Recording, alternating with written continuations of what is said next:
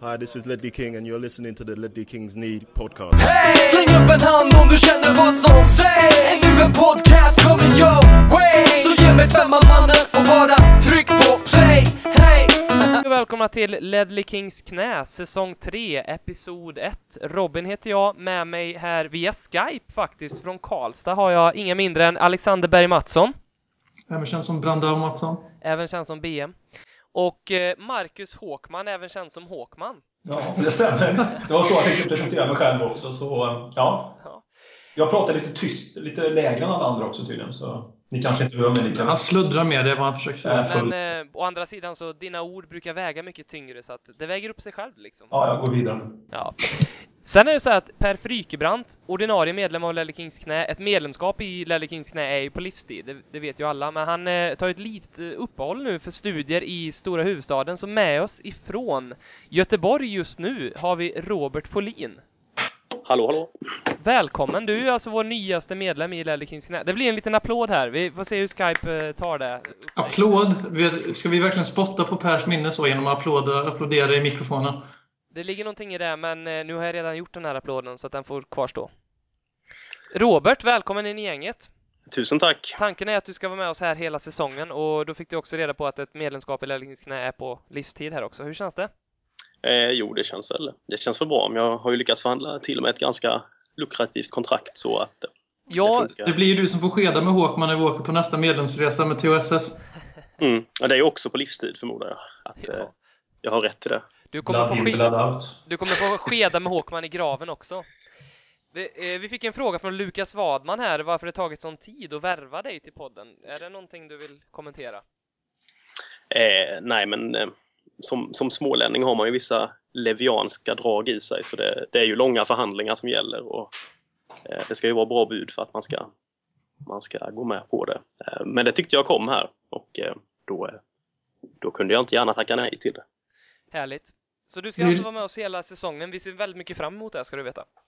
Eh, tack så mycket, det gör verkligen jag också. Ja, gött. Vad tänkte du Ja. säga där, BM?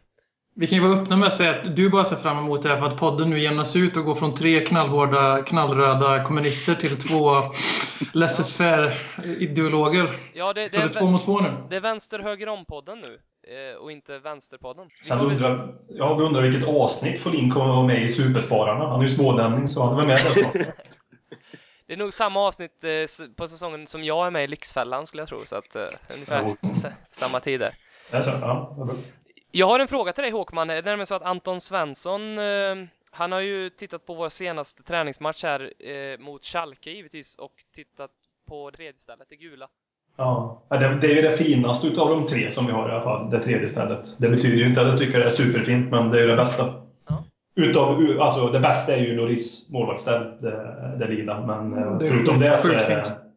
Vad är det som gör att du tycker att det är så fint? ja, det är Hugo Loris som där tror jag. Ja. Sen så har du en fäbless för lila också. Ja. Ja, du köpte ju faktiskt en uh, målvaktströja i grönt när vi var på White Hart Lane första gången. Du och jag ihop i alla fall. Jag gillar grönt och vitt också. Så. Just det. Detta på grund av Celtic. Mm.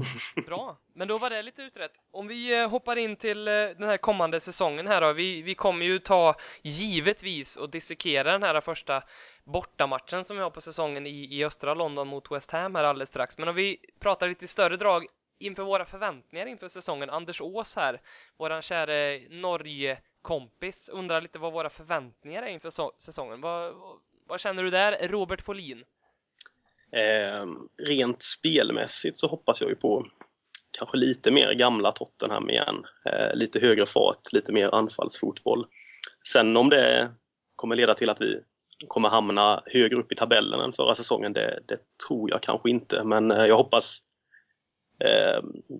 hoppas kunna få tillbaka eh, glädjen lite i att titta på, på Tottenham. Eh, man kan tycka att det, under vissa stunder förra säsongen så var det ganska, det var ganska långt ifrån det, den Tottenham-fotbollen man har eh, vuxit upp med. Så det är väl mitt, mina primära förväntningar på säsongen. Och att eh, Soldado ska göra mer, mer, mål, mer spelmål än straffmål i ligan. Det är väl också en förhoppning. Ja, ett spelmål är väl inte så jätteimponerande. Vad, vad tror vi övriga? Är Soldado, är det hans år i år eller vad är han på väg bort? Vad de här Atletico Madrid-ryktena, kan det ligga någon sanning i dem? Det kan det säkert eh, ligga lite sanning i, men jag tror inte vi kommer sälja för att vi vill ha tillbaks den större delen av summan, som, den sammanlagda summan då, för det riktas väl om att vi bara pungar ut 12 mille och sen så var det massa bonusar och han lär inte upp något särskilt många av dessa bonusar. Så. Men eh, jag tror mycket väl att Soldado kan höja sig målmässigt också, för det jag kände förra säsongen var att visst, han var väl han var väldigt kliniskt ineffektiv. Men uh, spelmässigt tycker jag att han visade att han höll i Premier League i alla fall majoriteten av säsongen. Men att han blev under AVB väldigt ensam och fick väldigt få chanser. Och det där då satte sig på självförtroendet och sen när, under Sherwood när han fick mer chanser så hade han inget självförtroende. Och sen så hamnade han ju också bakom Harry Kane den stora och blev tredje val som forward. Så ja! Ja, vi, vi fick ju en fråga här. Jesper Edman undrar lite om vi behöver mer anfallare eller om det räcker med Bobby, Adebayor och Kane. Svar ja. Har vi, spelar vi med en, en renodlad striker så behöver vi inte fler. Nej, jag, jag tycker vi ska satsa på Soldado. Eh, nu har jag bara sett en träningsmatch och det var den senaste mot eh, Schalke och då tyckte jag det blev jättetydligt när han kom in i andra halvleken att vårt spel blev ännu bättre offensivt. Att vi fick en spelare som gick ner i banan lite mer och fördelade bollarna och då kunde sätta bollen på de som kom i djupet från mittfältet på ett annat sätt. Och, eh, ja, vi fick ett tydligare bättre anfallsspel med honom än med Adebayor. Och det har ju inte med mitt Adebayor att göra utan det har ju med att han passar inte i den rollen. För han är ju liksom mer en targetspelare. En spelare som spelar mer för sig själv. Och det, ska man liksom få igång mittfältarna blir mer produktiva, då är det viktigt att anfallaren också är lite osjälvisk. Och det är ju Soldado, han är ju spelintelligent som vi såg förra året. Eh, att han har ett passningsspel som, vi, som inte jag kände till att han hade i alla fall. Så jag, så jag tycker verkligen vi ska satsa på Soldado. Även om man kanske inte gör 20 mål. Man kanske kan göra så att de andra gör 7-8 mål istället från mittfältet. Mm. Mm. Vad, Håkman, dina förväntningar på den här säsongen? Robert här pratade om att han vill se tillbaka lite det här gamla Tottenham eh, med lite roligt spel. Vad, vad känner du? Vad vill du Jag vill ha Josh Graham Tottenham igen. Nej, jag vill också ha gamla Tottenham. Eh, som jag tycker att vi fick till i början med eh, min vän och livskamrat Tim Sherwood.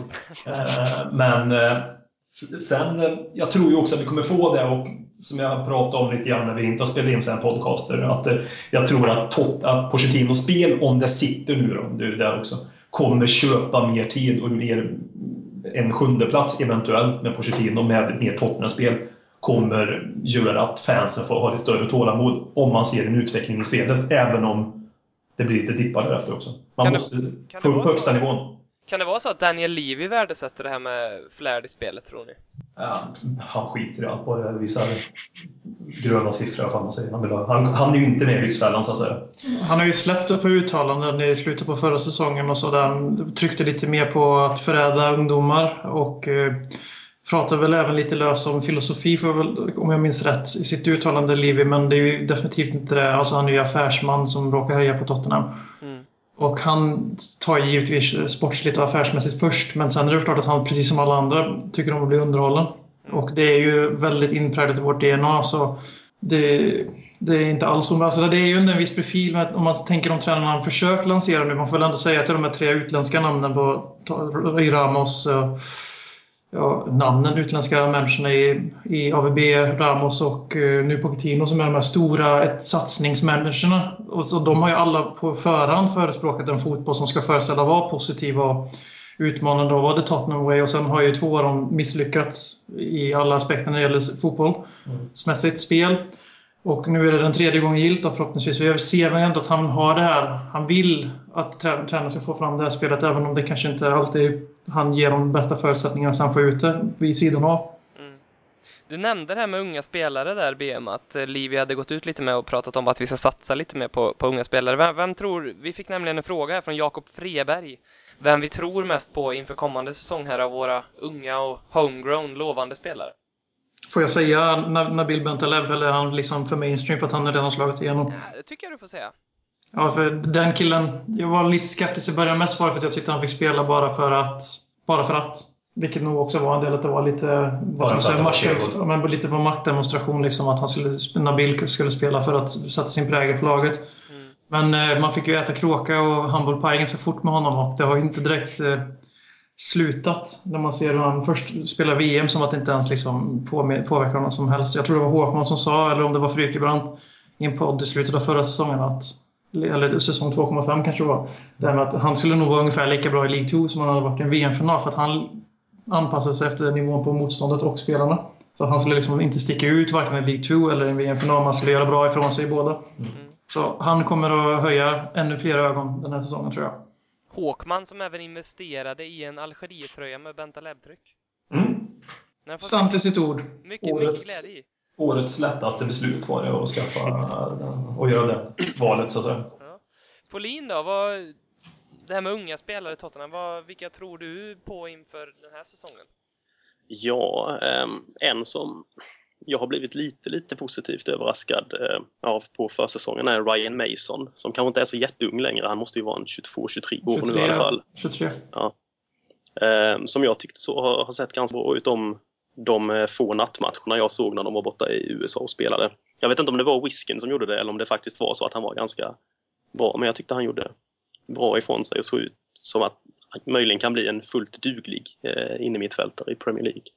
Eh, Windy var inne på mycket med Ryan Mason. Att han, han har sagt väldigt länge om honom och han har varit del på en del väldigt obskyra lånsessioner i League 2 Mm. och så vidare. Eller League 2, inte League 2 som Portsmouth utan RC Lens typ. Men att, eh, att han, ut- om inte han hade varit så skadebenägen i hans yngre år så hade han utan tvekan varit landslagsman redan. Så det finns mycket fotboll i killen.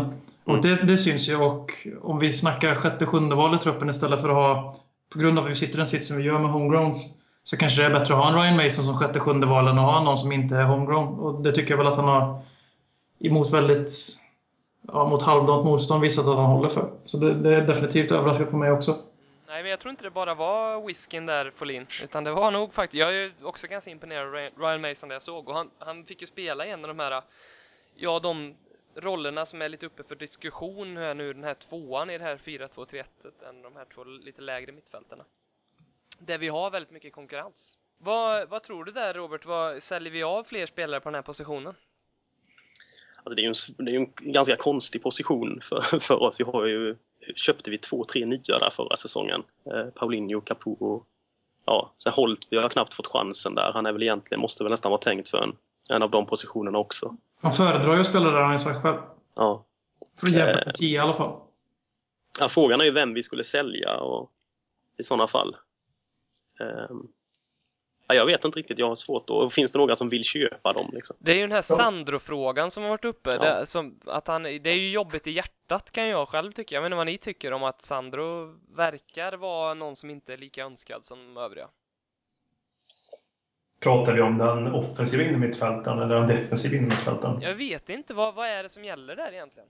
Alltså de här, Vilken- de här två centrala på 4-2-3-1 alltså. In, inte de här treorna i anfall. två sittande helt enkelt. Ja, Ja, men det är en utav dem som jag ser tror jag kommer vara lite mer offensiv och den andra kommer vara lite mer defensiv utav de sittande. Jag tror inte Ja, båda två kommer sjunka. Nej, du kommer helt rätt det. Eh, och om det är någon som ska sjunka, då har vi bara som jag ser två alternativ. Det är ju liksom, tre alternativ har vi. Capo, Sandro och Bentaleb.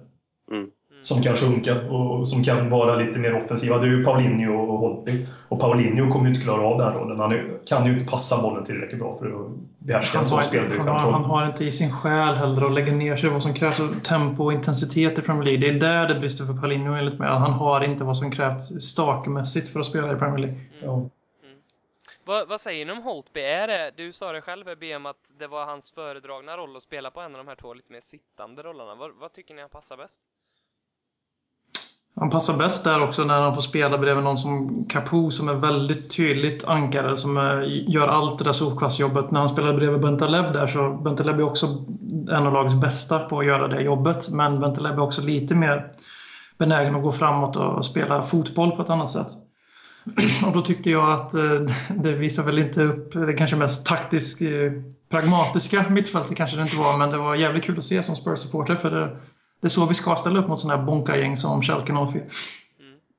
Så gärna mer håll på Bentaleb där, som svar på din fråga. För jag är ju lite mer inne på, jag gillar ju Holtby i, för jag, vad jag har fattat det som så ska de här offensiva trean bakom anfallaren vara de som håller upp ett högt pressspel på offensiv planhalva och det tycker jag ju eh, Holtby är, nu höll jag på att säga Folin. Folin jag passar in- också bra där. För du kanske Jag har inget bra pressspel kan jag säga. En Det är snål första fem. meterna. nej springa runt där och sno lite. Nej men jag tänker, för där, i mina ögon så passar ju Holtby där. Han, han har liksom evighetslungor och hur mycket jävla anamma som helst. Och bara springer runt och pressar liksom. Jo, det, det, det har du ju helt rätt i egentligen, men eh, det är också vem, vem vi ska offra så att säga. Eller ska vi, just nu spelar vi, ser det väl ut som att alternativet är Lennon till vänster, vänster Lamela i, i mitten och Eriksen till höger, eller Eriksen till höger, Holpi, förlåt, Holpi till höger, Lamela till vänster och Eriksen i mitten. Och då är det ju för Holpes skull som bättre spelare och viktigare spelare flyttas ur sin naturliga position och då vet jag inte riktigt om han eh, ska vara där uppe. Men i, i tanke på pressspel så ska han definitivt spela högre upp i banan. Men vill vi ha den här killen som Schneiderlin, alltså som är så viktig för Pochettino att få in, det är att vi måste ha någon som längre ner i banan kan starta anfallen snabbt och slå den här öppnande långa passningen. Bentaleb visade mot Schalke att han kan göra det, men kan han göra det jämt? Utan att ha någon, om man, ska vi spela med Bentaleb och Sandro till exempel, då blir vi ganska negativa helt plötsligt på mittfältet. Så just för det här snabbt vända och ställa om spelet så vill jag hellre se Holp i en sittande roll. Sen håller jag helt med om att pressmässigt så borde han spela högre upp, för han springer ändå där uppe och pressar sen ändå. Vad tror du där eh, Håkman? Eh, Lennon, är han, vi fick den här frågan från Faris på Twitter, är han en Pochettino-spelare? Det känns så. Eh, han hade ju en väldigt tydlig roll mot Schalke i alla fall. Det är ju enda träningsmatchen jag har sett, så jag kan ju bara liksom referera till den. Eh, det var tydligt att det var väldigt viktigt att sätta han på djupet, tyckte jag. Eh, nu sprang han en del offside i första halvleken, men det känns verkligen som här och nu i alla fall, tills vi kanske har någon annan eller inte. Då är han jättenöjd med ändå. Jag, tror verkligen han har en framtid i Tottenham. Mm. Sen han skiljer sig väldigt mycket från de övriga offensiva mittfältare som vi har i laget. Han har ju den här speeden som de kanske andra saknar. Den unika speeden som Lennon har. Och det är viktigt att ha liksom olika spelartyper i lag så du får en balans. Liksom. Det viktigaste kanske inte att sätta ut de elva bästa. Det viktigaste är att sätta ut den bäst balanserande elvan vi har. Mm. Ehm, Så jag tycker att Lennon definitivt har en framtid. Han har ju fått mycket kritik för inläggsspelet, men kanske det kan vägas upp lite på en vänsterroll då. Som jag har uppfattat Lennon så är han, han är ju en bättre avslutare än vad en inläggsspelare, eller vad tycker ni? Jag tycker inte han är så dålig på inlägg. Eh, jag tycker han, han är bra när han slår in de här låga inläggen. När han kommer och kör snett in och bakåt, då är han bra. Om det nu klassificeras som inlägg, jag vet inte. För mig gör det det i alla fall. Eh, de här svepande David Beckham-inläggen, om man så jämför med honom. Det är ju en, taskig liksom, jämförelse att dra, men man förstår vilka inlägg jag menar. Det är han ju inte bra på. Eh, Men han, han är ju också beroende utav, om man ska spela en ytter så är Lennon tycker jag väldigt beroende av att ha en kille på högerbacken som han funkar bra med. Mm. Eh, Han var ju som bäst när det var Churluka spelade där. Och de kom på överlapp och därför de synkade jävligt bra ihop med varandra. Mm. Ska jag tolka det som en peak mot Sheffields Maldini som spelade på, på högerbacken nej, större delen av inte nu när vi har Folin här så är det ju absolut ingen peak mot... eh, Men det är klart inte lätt för Lennon att förstå hur Norton tänker. i. Det är ju liksom inte många som gör, varken med eller motspelare. Geni- geni registrerar på andra ljudnivåer och sånt då, än vad Precis så. Lennon Precis. gör. eh, nej, men han har en framtid. Det är ju intressant att spekulera lite i. Vår vänsterkant var ju minst sagt under all kritik i förra säsongen när vi hade, ja, vi hade Eriksen som inflikande vänsterytter och sen hade vi Danny Rose. Och nu om det skulle vara så att vi får Aaron Lennon som ändå har en styrka, i mina ögon i alla fall, i det defensiva och Ben Davis där som är en vänsterback som tenderar att vara lite mer eh, Vänsterback. Ja, vänsterback, en offensiv vänsterback, så tätar vi ju till den kanten känns det ju som. Ja, mer i alla fall. Pochettino har ju värvat eh, en reservmålvakt, en ung lovande mittback, en vänsterback och det ryktas om en mittback till och även lite surr om högerbackar, eller ganska mycket surr om högerbackar. Så det säger väl ganska mycket om vad han har, han har kikat på förra säsongen och sett vad som var Tottenhams absolut extremt största svaghet. Och han har väl framförallt sett att vänsterkanten var akilleshälens akilleshäl. Så det, det känns väldigt logiskt att han tänker så med Lennon på vänster också. Och det som är rikt, ryktas på väg in där, är DeAndre Jedlin. Han gjorde ju tre inhopp i, eh, i VM för USA. Såg ju väldigt pigg ut måste man säga. Eh, kan ju springa i alla fall, det kan man ju i alla fall kom, ja. Påminner mycket om Kyle Walker. Påminner mycket om Kyle Walker. Sen så är det väl en mittback som är på väg in, och vad händer där egentligen? Mustachio är han, eller hur fan man uttalar det, är han på väg in? Musse. Musse? Mustaschmusse? Är han på väg in? Har han mustasch? Han måste ha det om han heter Musachio. Okej, ja. Det jag såg idag på eh, diverse suspekta ITK-forum så var det ju att den dealen tydligen skulle vara eh, off, att den inte skulle bli av. Men sen samtidigt så är det rykten, föga förvånande, om att Levi sitter och väntar in till sista dagen för att få ett bättre pris av någon anledning. Jag har inte riktigt förstått det när man försöker köpa eh, någon som ett lag inte vill sälja. Ehm, eh, men eh, Som får Så jag- sista vänta tills de absolut inte har någon chans. Nu har de i och för sig redan värvat ersättaren då enligt pressen. De har värvat den där mittbacken med Valencia. Men det känns ju som du säger, det känns inte sådär jättelevianskt att eh, sitta och vänta till sista minuten och försöka köpa ett lags bästa spelare. Och sen förvänta sig att det ska gå igenom. Det har ju aldrig hänt förut i Tottenhams historia. Men, men sitter vi med, inför en ny Damiao-såpa här med mittbacksplatsen? Eller vem blir det om inte blir Mustacho då? Eller mustaschen? Musse? Richard Dunn. Richard Dunn? Han har faktiskt, eh, han ska inte spela med för irländska landslaget så han har mer, han har mer fritid att träna och spela i Spurs. Jag såg QPR Watford på plats och jag ska säga så här, den insatsen jag får, från, såg från, från Richard Dunn den matchen, det var absolut det sämsta jag sett i mittbacksväg i så hög liga någonsin. Och sen så bara några veckor senare så var det någon podcast eller vad fan det var med Hasse Backe då han sa så här Richard Dunn, det är nog den bästa killen du kan ha i ett lag. Ja, det är därför han spelar då, för han är inte den bästa mittbacken på plan. Nej, Balans. det är ju bara Han påminner av en Castor United-mittback för mig. ständigt vad- detta Karlstad United. Fuck Castor United. Vackert. Ja, de, de ger jag inte mycket för. Alltså. Om vi, om vi går vidare här bara med en avslutande fråga i det här helikopterperspektivet vi nu är inne och surrar på, som det så fint heter, på, på säsongen Håkman. Va, va, vem blir säsongens flipp och flopp nu? Du ställde frågan på Twitter häromdagen, så jag tänker att du har nog bra svar på den. Ja, du märkte att jag svarade så snabbt. Kasta framför bussen här. Eh, ja, men flopp, ja, det, är väl- det, det är ju lättare. Jag måste bara välja en utav alla floppar jag har i mitt huvud. Kan det vara Eh, Pochettino?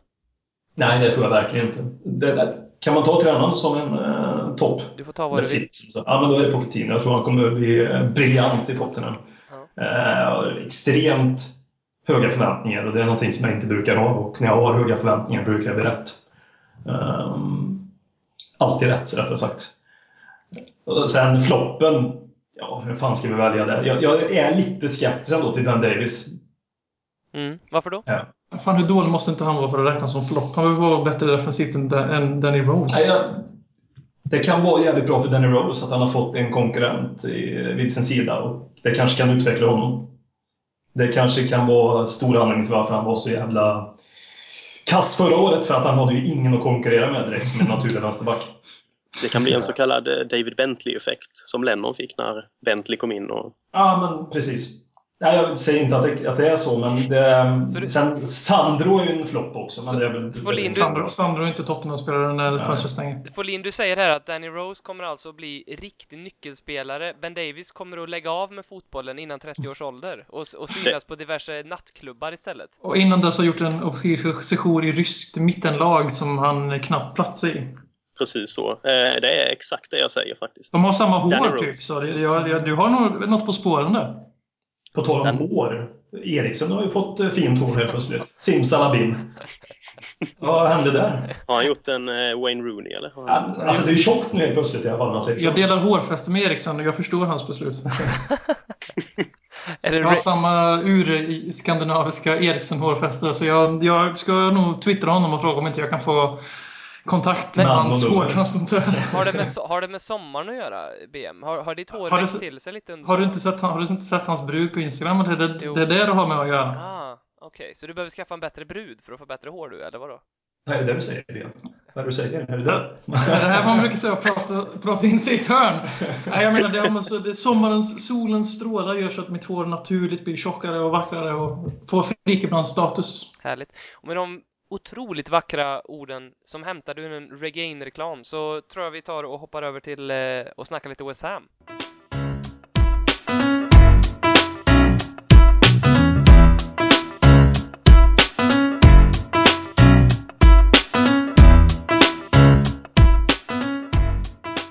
Men du lyssnar fortfarande på Ledley Kings knä, säsong 3, episod 1. Och jag tänkte vi skulle förflytta fokus nu ifrån det här helikopterperspektivet eh, till eh, lite mer konkret här nu då. Första bort, bortamatchen och första matchen för säsongen mot West Ham på Upton Park. Hur kommer det här att gå? Ja, det tänkte jag att vi skulle diskutera lite grann. Robert Folin här. Vi har fått en fråga nämligen ifrån Robin Strömberg som undrar lite hur kommer vi ställa upp mot West Ham? Om, om du får... Det finns ju en uppställning man vill ha och sen så finns det den här uppställningen som är lite realistisk. Om du får vara realist här nu, vad, vad, hur tror du vi kommer spela? Ja, ehm, jag har suttit och klurat lite på det. Ehm, målvaktsplatsen är ju given, givetvis. Det är ju vår kära Hugo. Han ska ju alltid stå när han vill stå. Ehm, Är den given dock? För, för Friedel har fått spela rätt mycket och han hintade lite på... Han hintade lite på Pochettino att han inte skulle låta någon eh, VM-spelare gå rakt in i elvan. Nej, du menar detta kan vara året när stort? Ja, The Brad strikes back! eller vi har ju Cuba Gooding Jr, a.k.a. Ma- Michel Worm också på, som andra... Vad är han? Andra, Vi har en talpunkt som podden måste... Vi måste bestämma oss för hela säsongen om vi ska säga Fertongen och Form eller om vi ska säga Worm och Vertongen med V. Mitt För jag, det, det är väldigt så här, för mig som är språknazist nu då, som blivande engelsklärare, måste, måste, måste veta vad jag ska säga så inte jag säger fel när alla andra säger rätt. Jag tyckte du Då, sa... då får jag aldrig något jobb. Jag tyckte du sa för mig som är jude. Jag tog samma. Jag tänkte säga, ljud, jag tänkte, säga ljudnazist i Pers ära, men så, så blev det ljudnazist. vad fan är det för något folk? Elvan här nu då. Hugo cementerar du på målvaktsplatsen. Vad i övrigt? Eh, ja, på högerbacken så blir det väl Kyle Norton som startar. Och det säger jag inte bara för att jag är eh, ett stort... Ja, Sheffields Maldini, förlåt. Ah. Eh, eh, Så att alla förstår vem det är jag talar om. Eh, för Walker har väl, om jag har förstått det rätt, dragit på sig om hans gamla skada har slagits upp igen eller om den inte riktigt är okej. Så han lär ju missa inledningen av Om vi, säsongen. snudd, om vi snuddar vid Walker lite grann där. Finns, är det en skada eller? För det, nu såg jag bara här på Twitter att eh, Barcelona var intresserade av Walker. Är det bara, bara förbise liksom? Eller Det är väl hans, det passningsfot som är intressant, det kan jag tänka mig. Hans tatueringar? Nej, det, det lär inte hända. Nej, men eh, säger jag. Byt Ja. Sheffields Maldini, två av elva spelare. Det här går bra. Ja, men vi hinner nog klart det tills... eh, Välkommen till? Kings Den enda podcasten där du, där du blir avbruten hela tiden. Jag är tillbaka. Mittbackarna nu, kör. Ehm, Vem tror jag? Ja, jag tror väl att... eh, Jag tror nog Fertongen får gå in faktiskt direkt. Trots att han inte har gjort... Han har väl inte gjort någonting, någon minut alls under Pochettino här på försäsongen. Men eh, Fertongen. Jag tror jag säger Fertongen, ja. Ja, då vi. säger vi alla det. Och sen är väl den andra mittbacksplatsen lite up for grabs egentligen. Jag tror det blir Kabul. Ehm, och sen tror jag faktiskt Danny Rose får eh, ta vänsterbacksplatsen. Varför tror du på Rose? Nej, jag vet inte. Det bara känns så. Jag kan inte riktigt motivera den. Det känns som att det är lite hugget som stucket där mellan... eh, eh, ja, det kan bli vilken som av dem. Jag tror Rose får, får starta faktiskt. Vad tror du i den frågan, BM? Jag tror att eh, det finns ligger någonting helt i att Rose får spela för att eh, han är bättre offensivt än vad Davis är och jag tror att vi eh, satsar på attack mot West Ham och de har varit väldigt jämställda eller li lika duktiga på försäsongen tycker jag. Jag tycker Rose har svarat en del på sina kritiker under försäsongen. Okej, du, men, du, du menar Rose Davis har varit jämställda nu, inte West Ham och vi? Nej, för fan. De är ju mycket bättre än oss. Det såg vi ju tre gånger om i fjol. Ja, ja. Nej, men eh, fortsätt här nu, Folin. Eh, ja, inne mitt fältet. Eh, också en, hur uttalar man det här? Capo. Eh, Ja. eh, och eh, sen tror jag det blir Louis Holtby bredvid honom. Woo! Eh, sen så front, eh, trion framför de två. Eh, exakt vilken position de tar, det, det kan jag nog inte riktigt eh, sätta. Lennon, Eriksen och Lamela tror jag kommer starta där. Mm. Om Eriksen börjar på vänster eller Lamela börjar där ute, det, det, Det jag inte riktigt. Eller om Lennon varandra jävligt mycket. Alltså. Det Ja, kommer vara, de kommer inte ha någon fast position de tre, tror inte jag. Vad ser du helst? ehm, Ett lag med 11 spelare och inte 10. att de här tre springer eh, eh, lite, ja, som de, inte som de vill, men eh, de byter positioner mycket med varandra eh, bakom en Soldado som jag tror kommer starta. Mm. Eh, jag, jag gillar ju lite att se Lamela i en central position. Jag är inte helt övertygad om att han är en ytter, för, alltså att han klarar av att spela ytterspelare i Premier League. Ehm, att han kan få lite någon slags, kanske inte riktigt en van der Fart-roll, men lite, få springa lite fritt där inne och röra sig lite som han vill. Mm. Men sen det är ju, det är ju det känns ju lite hårt att flytta en Eriksen från sin centrala position också. Det är ett jäkla lyxproblem att ha. Ehm, om man vill ha in Lamela i mitten lite. Uh, vart Eriksen ska ta vägen. Jag Han är också... jag tyckte Eriksen var bra i matchen mot Schalke. När även han hade ju ett par bra, riktigt fina pass i djupled. Mm. Så jag tyckte han hittade en bra roll ändå när han var lite ute på kanten. Sen är det ju som du säger, han är ju säkert ännu, ännu bättre centralt. Troligtvis. Men, så där är det ju. Liksom, har man Men ju, även Lamela själv tycker ju att han, han vill ju vara tia en dag i framtiden. Han ser sig själv i den rollen, en väldigt fri tia. Och han, han har ju varit bättre i den rollen än vad han har visat hittills i Spurs tidigare. Det säger ju inte så jättemycket, men eh, jag säger liksom kör den där trean som Folin är inne på. Låt dem spela på vilken jävla position de vill så länge då Lennon håller sig på någon av kanterna så vi får lite bredd i spelet i alla fall. Men låt Lamela och Eriksen få definitivt bara springa omkring och byta position med varandra hundra gånger om de känner för det. Jag tycker jag också. Tycker startelvan också är klockren. På Ja, alla, alla sätt. Mm. Ja, det är inte så dåligt egentligen. Och sen så med backupen vi har egentligen. Nu har vi Dyer på, som mittback helt plötsligt och Ben Davis som vänsterback. Som inte såg ut som en 19-årig skolvalp när han spelade mot Schalke. Jag blev imponerad av jag var riktigt duktig där. Mm. Det är ju väldigt fint att Ben Davis gjorde... Eller nu pratar du om Dyer nu. Mm, det är det. Mm. Ja, han var väldigt bra. En Mm. jättefin kroppstackling eh, som, som... Det var lite skrik om straff, men det. Fan, det är Premier League det här liksom. Ja, det är ingen straff i division 4 heller. Så. Nej, definitivt inte. Han försökte säga det är ingen straff ens i La Liga. Men du, Håkman, du gjorde ju en liten sån här... eh, På Twitter här nu, alla som följer Marcus Håkman, vad heter du? Marcus Schickman 79 på Twitter. Gorbatjov 79. Ja, Hård och tjock 79 eller vad sa du? Mm, ja. Bring back the wall, 89. Du gjorde en, eh, en liten eh, rankning av ligan här nu, eller inte rankning, men din tippning från Så, plats ja, 20. där satt den. Ja. Mm. Va, och, och West Ham, vad tror du om dem i år? Liksom? Ja, men de har ju Sam Allardyce så de eh, kommer ju säkert bli någonstans där 12, 13, 14, 15 någonstans. Kanske till och med 11. Det är ju ett getingbo där mellan plats 8 till 15 känns det som någonstans. Mm, Och de-.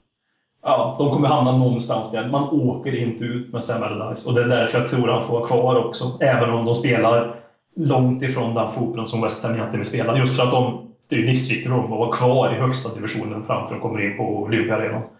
Annars kan de nog... Annars alltså, kommer det- den bara vara halv, halvfull Ja. istället för en tredjedel full. Det är ju skillnaden vi diskuterar. Ja, alltså där, det, han lever ju bara på att det är liksom en Premier League-garanti med Sam Allardyce tror jag. Eh, och där, ja, därför tror jag de kommer hamna där någonstans också. 12-13.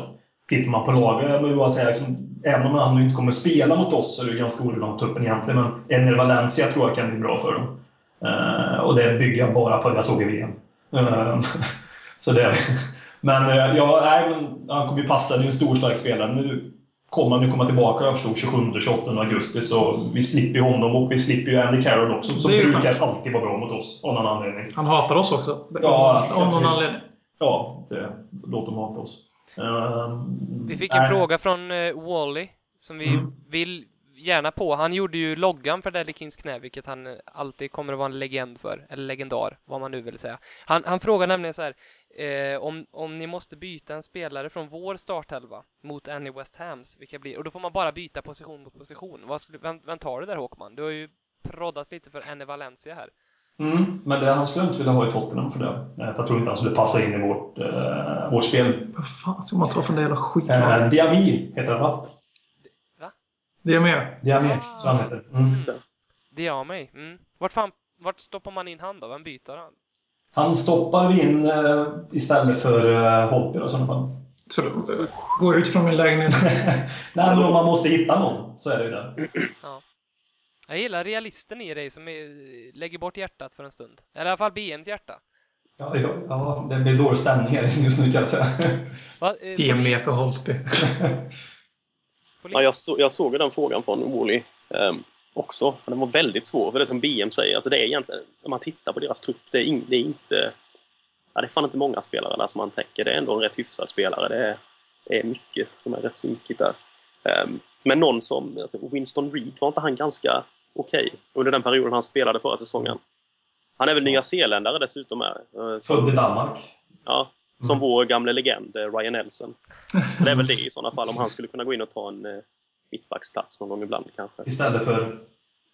För det var ju det Kabul. också. Ja, ja det är väl Kabul i sådana fall.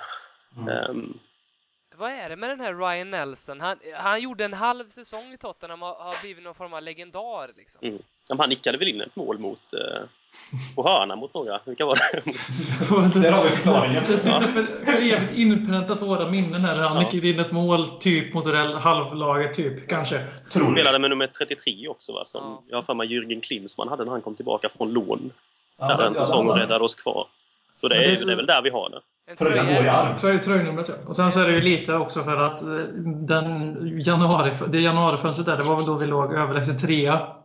Ja, Och det var verkligen det året vi hade chansen att på riktigt slå oss in i den här jävla topp fyra på riktigt. Det blev ju fyra.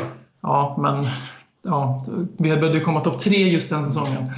Men eh, att de, våran kapp, våran så här, när vi skulle brösta upp oss i januari för att verkligen hänga med på tåget och befästa våran tredje plats och titeljakt Ryan fucking Nelson. Och Louis Zaha. Ja, och då, liksom, då, blir det, då blir det på något sätt så jävla Spurs över det så att man kan inte glömma bort de här två hjältarna som kom dit som våra titelförstärkningar. Det var väl även det fönstret då när vi plockade in de två och gjorde oss av med Pav.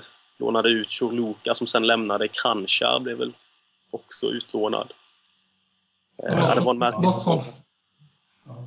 Det var en märklig säsong på alla sätt. Men det var ingen kul som- att se på fotboll på White Hart Lane då. Det var nog sist det var det faktiskt. Nästan Mm. i alla fall. Det var det tills det var det mars, kul april någon gång när allt började falla samman.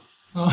Ja, det var tungt den sommaren. Alltså, jäklar. Jag tror det var en månad eller någonting jag knappt ens läste Tottenham-nyheter. Jag var helt knäckt efter den här... eh, Finalförlusten i München. Ja, ja, det var helt eh, Är otroligt. det, är det din värsta förlust? Volym? Ja, ja, det är min värsta Tottenham-förlust Ja. någonsin, när de inte ens spelade. Ja, men så är det nog för många.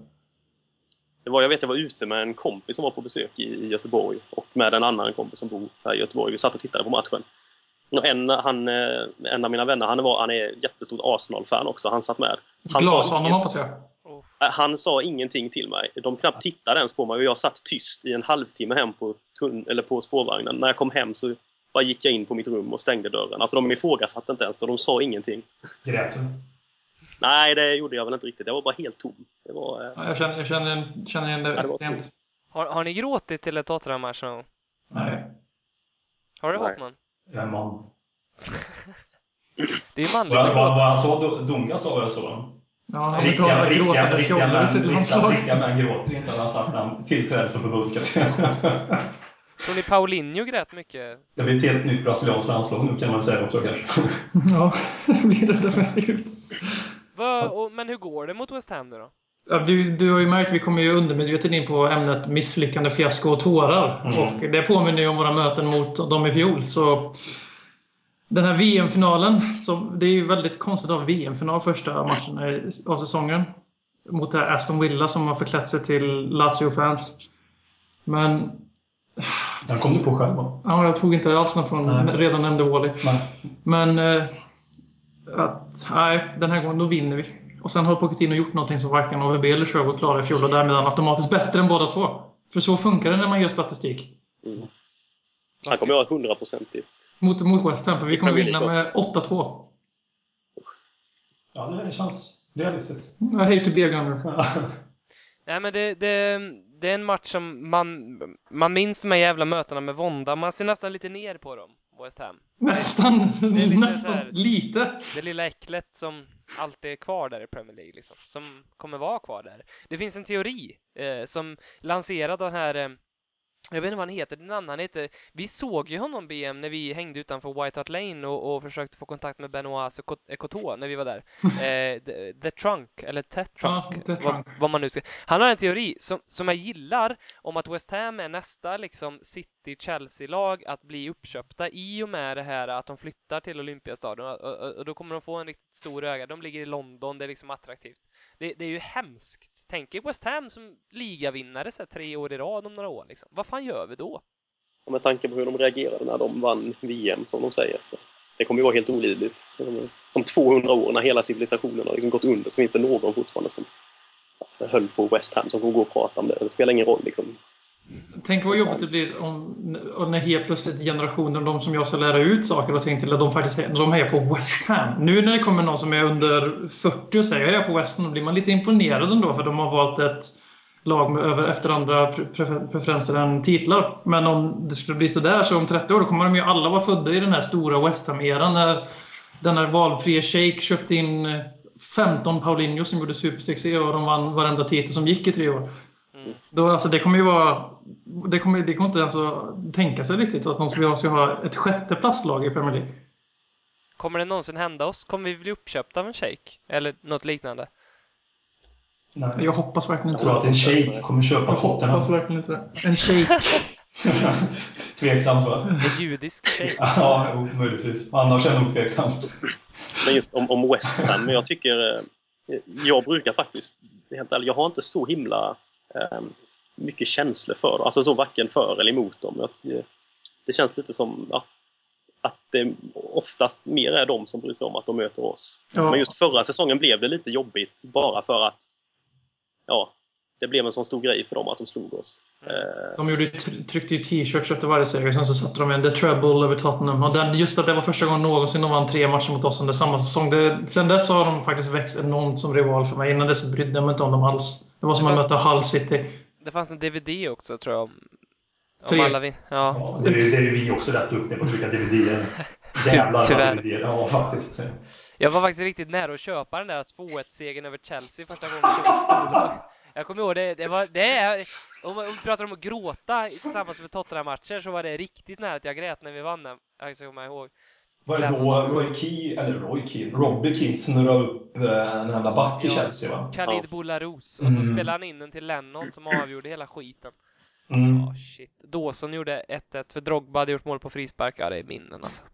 Om vi avslutar lite grann här, men vi har ju pratat om det här med West Ham är ju, ska ju få ett nytt hem här nu med ny Olympiastadion i, i Stratford. Vad, ehm, det snackas ju lite om att, eh, eller det snackas om, vi har ju börjat taga de första spadtagen till vår nya hemborg. BM, kan du fylla i lite luckor? Christer eh, Johansson har ställt lite frågor här, eller ställt en fråga om vad, vad är status egentligen? Det undrar vi alla egentligen. Eh, senast jag läste var det 2017, 2016-17 säsongen så den står färdig. Och det som händer just nu i området är att de har ju skövlat bort allting som krävs för att börja bygga. Förutom en affär, som, en byggnad då, som en herre vägrar att sälja. Mm.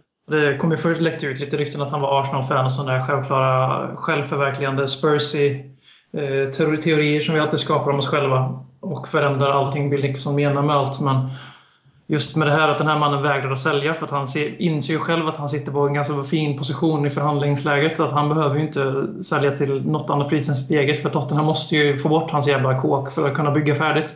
Mm. Så just nu är det den största hold-upen. Sen så läser jag lite i ITK-sur om att, att det även är så att vi har byggt arkitekter och dylikt så försenar processen yt- ytterligare.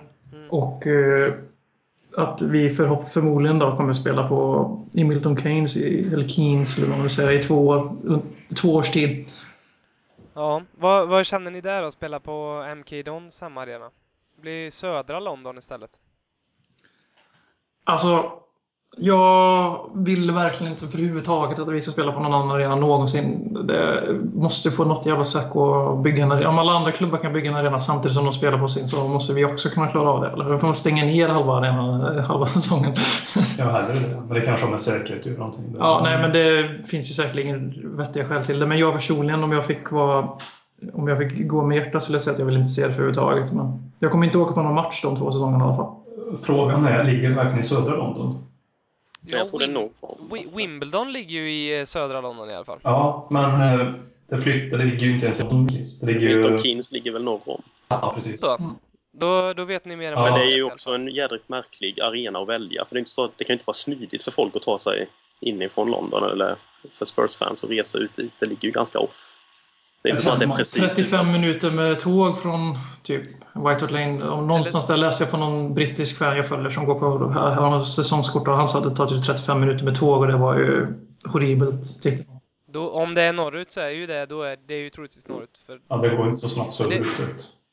nej, men då är Livi kanske öppnar ett bussbolag snart, då får vi en hint. Som kör gratis. Ja,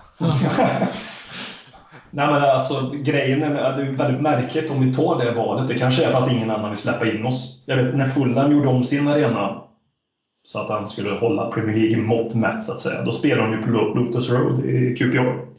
Eh, det borde ju finnas alternativ i London om det nu är så att vi inte kan spela kvar på Hart Lane. Men de är rädda för rivaliteten där. De vill inte, de vill inte ta West Hams arena. De vill inte ta... Nej, nej, alltså, nej, nej, de vill man ju verkligen inte ta på något sätt. Men alltså, Milton Keynes tar ju inte mer än 19-20 000. Alltså, om man spelar exempel på OL Parade, tror jag heter, Charltons arena, den tar väl 25-26.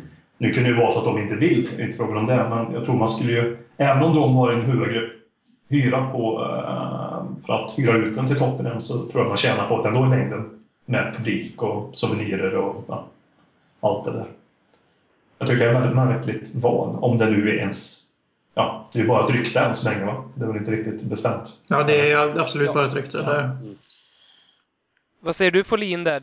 Den beresta mannen här i, i, ibland oss. Vad, vilken, har du någon favoritarena i England som du, skulle, om du, som du vill se Spurs på en säsong? Eh, måste jag välja någon i... Det är väl någon i London som är rimlig att välja. Då hade jag tagit Craven Cottage där Fulham spelar. Den är oerhört mysig. Eh, fin arena. Gammal och de har behållit även om de rustade upp den lite för att den skulle nå Premier League. Eh, kraven så tycker jag den är väldigt... Eh, eh, ja, den är mysig. Liksom. Det är en gemytlig, eh, fin gammal arena. Ehm, Och faktiskt rätt trevligt folk som går på Fulhams matcher med tycker jag. Mm. De bryr sig inte om fotboll, det är därför de är trevliga. Det är någon där jag snackade med Men- sa att det är inte så många som bor i Fulham-området som håller på Fulham. Utan de har flyttat därifrån för det har blivit för dyrt att bo kvar där. Ja, jag kan inte... Det är svindyrt. Matchbiljetterna är ju fortfarande ganska billiga. Liksom. Mm. Det går ju få rätt vettiga priser. Mm. Bra! Vad tycker du? Robin? Vad jag Ja. tycker? Ja, jag... Jag vet inte vad jag tycker. Jag, jag gillar ju den här idén som vi hade om Brighton. Eh, Det var, det var väl uppe på, på taget då. Det var jävligt roligt att se tot- och, och åka till Brighton för att se Tottenham. Det är också, det är ju söder om London, och, men det ligger ju på kusten liksom. Och det skulle vara lite mysigt. Men Jag, jag tror de tänker lite grann så här att man vågar inte ta Charlton eller Brightons hemmaarena, för det kan ju lika gärna vara så att 2017, ja men då fan då kan ju de vara i Premier League. Men MK Dons, de kommer ju vara där och harva i, i, i League 3 eller vad fan de är. Så då har man ett bättre förhandlingsläge liksom att säga. man, skriver, man skriver en förhandlingsläge som är under de här åren förhoppningsvis, som inte ändras. Nej, jag är inte. Jag är inte ordförande i Tottenham. tyvärr. Daniel Levy. Leighton Orient Vi börjar, det börjar närma sig eh, timmen här. Eh, Fruktansvärt stort tack till er eh, för den här gången och väldigt roligt att ha med dig Robert Folin. Eh, det var väldigt kul att få vara med. Spontan reaktion på ditt jungfruavsnitt här då. Eh, ja, det kändes så bra. Eh, lite, lite ovant, lite spänt i början, men när man väl eh, hade kommit in i det så tyckte jag det kändes ganska naturligt rätt fort. Det var en. Eriksen-debut. Hans där mot Norwich var det va? Eller var det mål han? Jag kommer inte ihåg vilket han gjorde. Ja. Får jag avsluta Men- med att kuppa med, för det är väl en grej vi har glömt, som jag tror vi har kuppa. lovat. Att, nu när ni talar om att vara berest så Mhm. ska ju THSS ha en supporterresa i, i, i höst. Som eh, vi kan pusha lite för att man går in och kikar på om man vill resa med och faktiskt titta på Tottenham. Ett Tottenham Sweden på Twitter va? Precis så. Jag har ju lite detaljer här. Det är 24 till 27 oktober. Man ser eh, Newcastle hemma och eh, man pröjsar lite över 3000 spänn för match, tre nätter på hotell, frukost. Uff. Men framför allt en resa sent man glömmer och jävligt mycket härliga Det var så vi träffade. Folin till exempel. Kan vi, ja, nu sitter han här. Det, det, nu skrämde jag bort alla som ville resa. Åh oh, wow, man kanske någon gång får gästa Ledley Kings knä och sen eventuellt bli signad tre år senare. Oh, nu vill jag verkligen åka på den här resan. Oh. Många avanmälningar Hybris. som kommer in. Nej men det, det vill vi verkligen göra. Du är ju lite engagerad i THSS, Folin. Ja, vi får väl avslöja det också så att eh, det blir tydligt att jag Ja, bara kuppar här och, och utnyttjar den här plattformen för att och, eh, sprida Det gör det bra, för nu har vi en från svenska fans och en från TVS, så nu täcker vi alla svenska Spurs förutom ES, Sweden E-Spurs då, eller vad de kallar sig. Och bonde från dig. Och jävla idiot. Det är också bonde från dig och idioter. Det menar Ja, jag.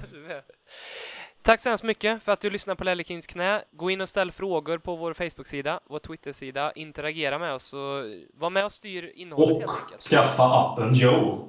Fort som fan. Just det. Och lägg till Hawk Yes. Så blir Hawkman glad. Det är en app i Hawkmans format som... Vad kan man göra på den? Skicka Då Joe. menar du att det är på min intellektuella nivå också. Nu har du förolämpat mig två gånger.